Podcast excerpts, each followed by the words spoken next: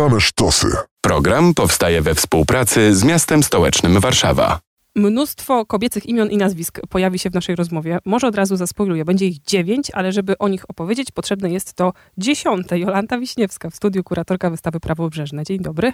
Dzień dobry. I dziewięć e, prażanek, kobiet istotnych dla tej części Warszawy, czy po prostu dla całego miasta, a może i w ogóle historii ludzkości? To jest dziewięć bohaterek powiązanych w bardzo różny sposób z prawobrzeżnymi dzielnicami miasta, bo one są związane nie tylko z Pragą, ale z Kamionkiem, z Saską Kępą, Białołęką, a nawet z Rembertowem.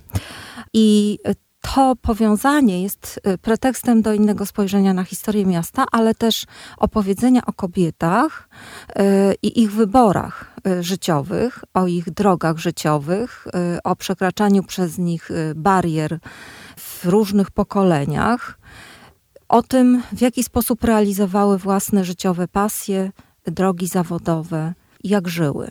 A robiły rzeczy imponujące, nawet dzisiaj, albo może zwłaszcza dzisiaj, kiedy myślimy o czasach dawnych, będziemy zaraz je przedstawiały.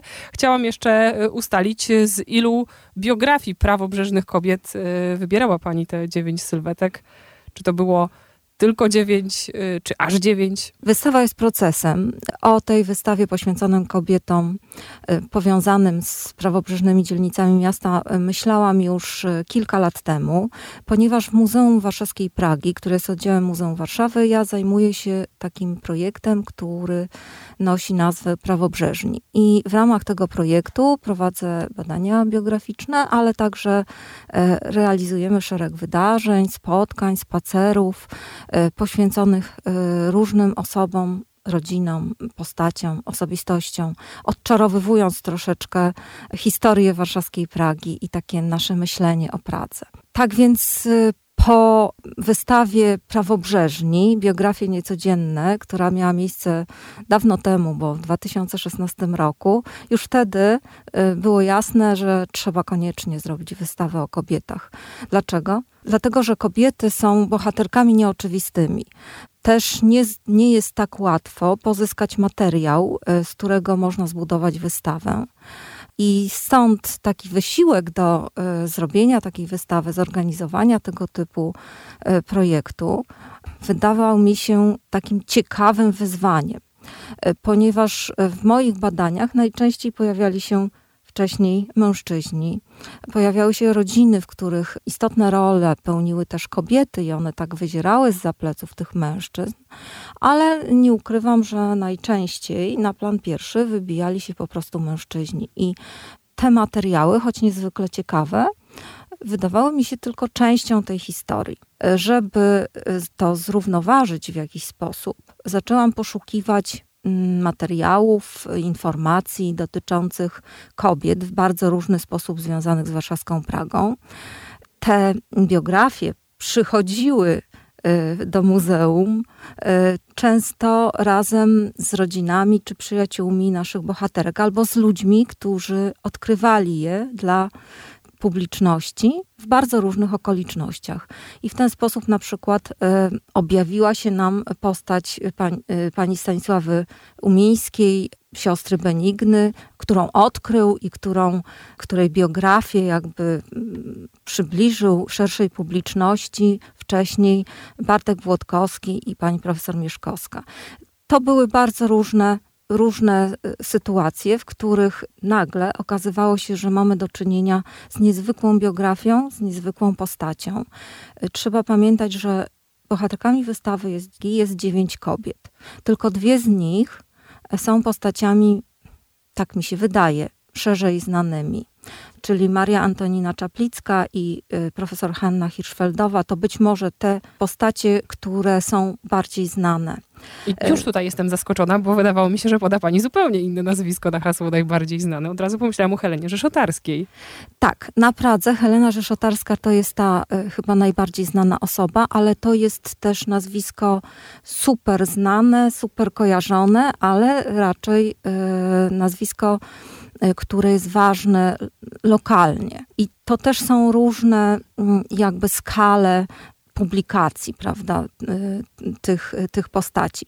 W każdym razie większość kobiet, o których opowiadamy na wystawie Prawobrzeżne, to postacie kompletnie nieznane, często ukryte właśnie za plecami mężczyzn, często gdzieś tam ukryte w historii różnych instytucji, szkół, pamiętane przez konkretne środowiska, ale już y, szerzej nie opowiadane w tej historii mm, bardziej publicznej. I a propos opowiadania, wspomniała Pani też o tym, że trzeba je w jakiś sposób na wystawie przedstawiać. I kiedy y, przyjrzymy się właśnie temu, w jaki sposób prezentowane są sylwetki tych dziewięciu kobiet, to rzeczywiście są tam fotografie, rękopisy, jakieś materiały osobiste, co oznacza y, taką pracę w docieraniu do rodzin albo jakichś innych członków, nie wiem, znajomych, przyjaciół, którzy zgłaszali się do muzeum, czy to muzeum musiało detektywistyczną pracę wykonać i znaleźć y, wszystkie przedmioty, które opowiedzą te postaci? Y, niektóre osoby związane z naszymi bohaterkami faktycznie same jakby przywędrowały do muzeum, ale do dużej części trzeba było dotrzeć. Na wystawę składa się, składają się eksponaty, fotografie, pamiątki, dokumenty y, pozyskane, udostępnione przez instytucje takie jak muzea czy biblioteki, archiwa, ale większość z nich y, udostępnili, udostępniły osoby, y, które są jakby z kręgu tych y, bohaterek. One udostępniły, udostępnili przyjaciele, rodziny i za to jesteśmy im szczególnie wdzięczni, bo bardzo często te materiały są pokazywane po raz pierwszy albo były bardzo rzadko i bardzo dawno y, upubliczniane. Więc jest też taka okazja, żeby przyjrzeć się losom bohaterek poprzez oryginalne przedmioty i pamiątki z nimi związane. Losom trochę odległym, ale znowu nie aż tak bardzo, bo część z bohaterek dożyła jeszcze, mówiąc zupełnie wprost, do XXI wieku. One się też rodziły czasami pod koniec XIX. Jak je tutaj umieścić na osi czasu? Y, nasze bohaterki reprezentują różne pokolenia. Y, niektóre z nich urodziły się jeszcze w XIX stuleciu, ale w dorosłe życie w, wchodziły już na początku XX wieku. I tutaj przykładem może być właśnie Helena Rzeszotarska czy Maria Czaplicka. To są dziewczyny, kobiety y, z tego samego niemalże pokolenia, które wybrały całkiem inne drogi życiowe, jeśli chodzi o realizację swoich celów i ambicji. Helena Rzeszotarska to y, dziewczyna urodzona w Petersburgu, y, która przyjechała do y, Warszawy, żeby, jak to wtedy mówiono, pracować w kraju i wybrała taki, taką klasyczną na owe czasy karierę zawodową dla kobiety, została nauczycielką. Ale zrobiła coś więcej. Założyła własną szkołę. To była szkoła dla dziewcząt, jedna z pierwszych szkół e, żeńskich y, funkcjonujących tutaj na Pradze. Szkoła, która promowała zdolne uczennice, w której tylko kilka procent tych uczennic płaciło pełne czesne, w pełnej wysokości. Szkoła, która stała się dla Heleny Rzeszotarskiej taką misją życiową i też stała się jej rodziną. Z kolei Maria Antonina Czaplicka, nawet czym... geograficznie w przeciwną stronę rusza. Tak, rzadko kto pamięta, że ona urodziła się z kolei na Pradze. Była córką urzędnika kolejowego e, i właśnie tu w okolicach Brzeskiej, e, Kijowskiej mieściło się szereg budynków kolejowych, których pracując na kolei w służbowym mieszka mieszkaniu mieszkała rodzina Czaplickich. Ojciec był naczelnikiem stacji kolei warszawsko-terespolskiej i Maria Czaplicka miała ten start na pracę, ale jej ambicje y, wykraczały poza Pragę. Ona jako jedna z pierwszych kobiet zdobyła stypendium imienia Mianowskiego. Wyjechała na studia y, za granicę. Studiowała w Oksfordzie i w Londynie. Y, zorganizowała wyprawę na Syberię. Wtedy mu dziwiono się, że Polka chce dobrowolnie jechać na Syberię. To tak nawet w takim troszeczkę e, ironicznym mhm. E, tonie e, zapytywała prasa, dlaczego Polka sama z własnej woli wyjeżdża na Syberię. Maria Antonina Czaplicka pojechała do, na tereny u, ujścia Jeniseju z wyprawą, którą sama zorganizowała i spędziła tam rok żyjąc wśród tubylców i badając tutejsze ludy, ich kulturę. Powstała potem książka My Siberian Year, powstało szereg artykułów. Maria Antonina Czaplicka e, wygłosiła szereg też e, wykładów na uczelniach nie tylko brytyjskich. Wydawało się, że ta kariera jej podąża w bardzo dobrym kierunku. No niestety nie udało jej się zdobyć stałego etatu na jednej z uczelni brytyjskich e, i te przeciwności losu Marię Antoninę przytłoczyły. W związku z tym mamy tutaj tragiczny finał, e, mamy śmierć samobójczą która zakończyła jej życie. Więc nie wszystkie te historie, które opowiadamy na wystawie, to są historie bardzo proste. Y, to są historie z takimi dobrymi wyborami. Właśnie o tym opowiadamy, że te wybory kobiet podejmowane w imię samorealizacji są w różnych pokoleniach, zmagają się te kobiety w różnych pokoleniach z bardzo podobnymi, wbrew pozorom, problemami. To jest ciągle przekraczanie pewnych barier i ciągłe, ciągła potrzeba oceny, czy ta decyzja będzie słuszna, czy podążam w dobrym kierunku. Często te decyzje mają bardzo konkretne konsekwencje, które trzeba ponosić i, i których efekty jakby tutaj no, nie zawsze przynoszą sukces. Nie zmieścimy na pewno opowieści o pozostałych siedmiu biografiach, chociaż są tak ciekawe i wielowątkowe, że zasługują pewnie na, jeśli nie dziewięć, w sumie to mnóstwo innych momentów antenowych i nie tylko, żeby je w pełni słuchaczom i słuchaczkom przedstawić. Ale gdyby pokrótce jeszcze spróbować opisać y, pozostałe siedem, bo od dziewięciu odjęłam dwie, o których szczegółowo pomówiłyśmy. To są bohaterki, kobiety, które reprezentują nie tylko różne pokolenia XX y, wieku, ale reprezentują różne obszary aktywności, różne drogi zawodowe. Mamy więc y, Wandę Schreiberównę, artystkę ceramiczkę, która jako jedna z pierwszych kobiet zainteresowała się właśnie ceramiką i zorganizowała na Białołęce w dawnym Wiśniewie taką stację doświadczalną, a jednocześnie w tej stacji doświadczalnej takie miejsce, w którym pracowała, e, pokazywała możliwości pracy w glinie e, miejscowym kobietom i, i dzieciom.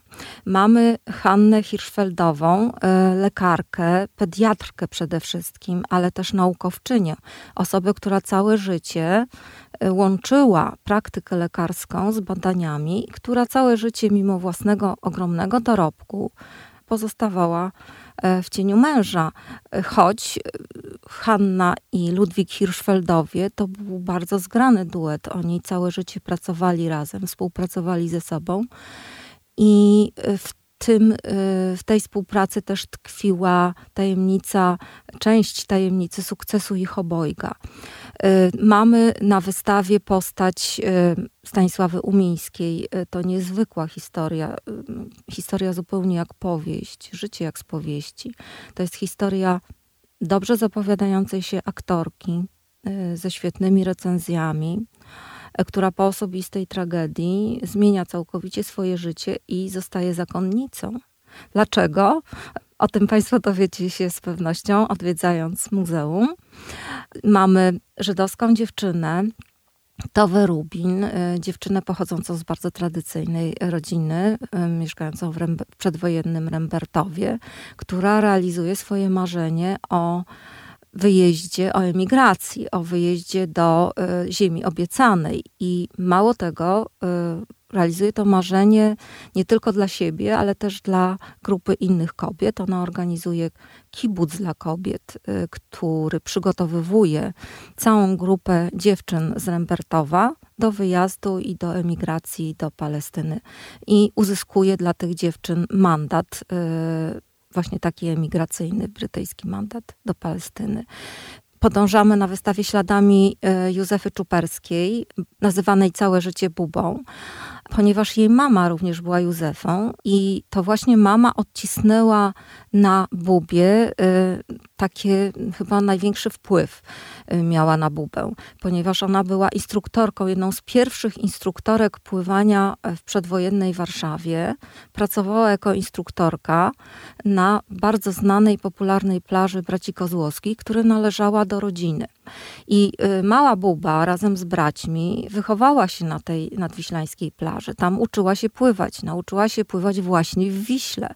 Stąd y, później już y, jako mm, dziewczynka, nastolatka, ale też w, w dorosłym życiu bardzo chętnie startowała w takich maratonach, e, które organizowano z Wilanowa do Warszawy. To były maratony pływackie, dystans około 10 kilometrów z Wilanowa do e, przystani jacht klubu, tutaj już na terenie miasta. I to już głowa wybucha dwukrotnie i z powodu wyczynu sportowego, ale też samego faktu takich wyścigów, które się na Wiśle odbywały. No tak, te wyścigi odbywały się dosyć regularnie, jeszcze w okresie powojennym także, na pewno w latach 40. i 50. organizowano e, maratony Wilanów Warszawa i e, startowała w nich Buba razem ze swoim bratem Aleksandrem, również pływakiem i cały czas odnosiła w nich sukcesy. Wydaje mi się, że została nam jeszcze Ninel Kameraskos i chyba Jadwiga Czajka. Tak, Jadwiga Czajka to dziewczyna z Pragi, dziewczyna z ulicy Wileńskiej. E, kamienica, w której mieszkała Jadwiga przez wiele lat, przy Wileńskiej 43, stoi tam do dzisiaj. To jest w ogóle dziewczyna wyrosła z harcerstwa, ale Jadwiga Czajka to osoba, która w czasie mm, okupacji jest y, żołnierką AK, y, jest członkinią Szarych Szeregów, przeżywa na Pradze czas powstania i ten czas, który nastał później, czyli wkroczenie armii sowieckiej i polskiej y, na Pragę w czasie, kiedy jeszcze na lewym brzegu trwa powstanie.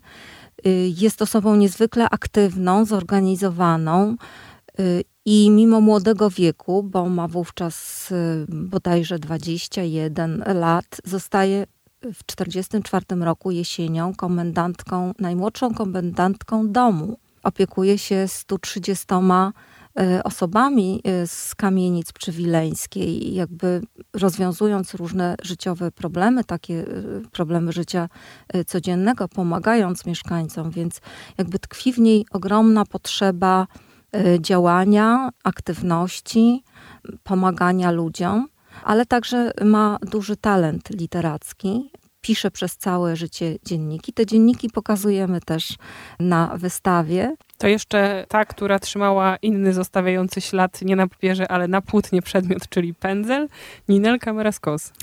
Ninel była wyjątkową osobowością. Trafiła na Pragę jako dziewczynka. E, jej rodzice byli repatriantami ze Związku Radzieckiego i w 1945 roku przyjechali do Polski i zamieszkali w takim wyjątkowym miejscu z historią. To jest e, dom przy ulicy Jagiellońskiej 28, dawny gmach instytucji opiekuńczych gminy warszawskiej, żydowskiej. Dzisiaj to jest siedziba Teatru Baj. Ninel mieszkała tam aż do śmierci i tam prowadziła coś w rodzaju salonu artystycznego w czasach, kiedy rzeczywistość y, ta, która nas otaczała y, na zewnątrz, była taka dosyć szara i siermiężna. Tutaj u Nilel spotykała się grupa przyjaciół, ludzi teatru, literatów, poetów, czytali wiersze, dyskutowali. Była to taka oaza wolności. W latach 80. ten salon przerodził się w taki salon konspiracyjny i też w mieszkaniu Ninel e, funkcjonowała nielegalna drukarnia. Ninel poszukiwała całe życie własnej drogi życiowej, malowała, jej miejscem takim ważnym dla niej był y, Żydowski Instytut Historyczny, w którym w pewnym momencie zaczęła pracować i tam też odkryła e, swoje żydowskie jakby korzenie, w tym sensie, że odkryła świat żydowskiej tradycji i napisała książkę Święta i obyczaje żydowskie, które, która doczekała się wielu wznowień. Myślę o tych adresach, które się pojawiają. Ktoś na Wileńskiej, ktoś na Jagiellońskiej, że da się rzeczywiście ślady tych kobiet y, na mapach prawobrzeżnej Warszawy narysować. A czy w przestrzeni są jeszcze jakieś inne formy, które je upamiętniają? Mówiąc inaczej, co po tych wspaniałych dziewięciu kobietach, poza wystawą, o której rozmawiamy, dzisiaj widać w Warszawie? No przede wszystkim jest gwiazda Heleny Rzeszotarskiej na ulicy Stalowej w Praskiej Alei Sław Zasłużonych Osób. Mamy gwiazdę poświęconą właśnie Helenie. I ulicę? Ulicę Heleny Rzeszotarskiej również w pobliżu tego miejsca, w którym funkcjonowała jej szkoła, choć nie przy tej ulicy, bo szkoła była przy Konopackiej 4. Mamy tablicę poświęconą Helenie, ufundowaną przez jej wychowanki y, nauczycieli we wnętrzu kościoła Matki Bożej Loretańskiej przy ulicy Ratuszowej na Pradze.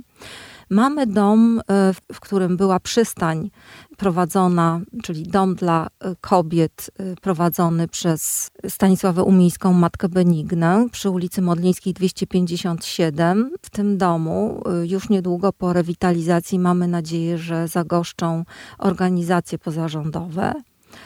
Mamy szereg takich y, drobnych śladów, pozostały nam budynki w których nasze bohaterki mieszkały. Ale takie oznaczone stoi... jednoznaczne, czy trzeba wiedzieć i znać adres, żeby sobie odnotować, że nadal stoi ta kamienica? No niestety, taki szlak kobiet myślę, że y, czeka jeszcze na uwidocznienie w przestrzeni. To jest też nasze zadanie, które myślę, że jeszcze przed nami. Przy okazji wystawy powstała taka mapka która nam te adresy związane z naszymi bohaterkami jakoś y, unaocznia y, i prowadzi nas y, w tę przestrzeń prawobrzeżnych dzielnic.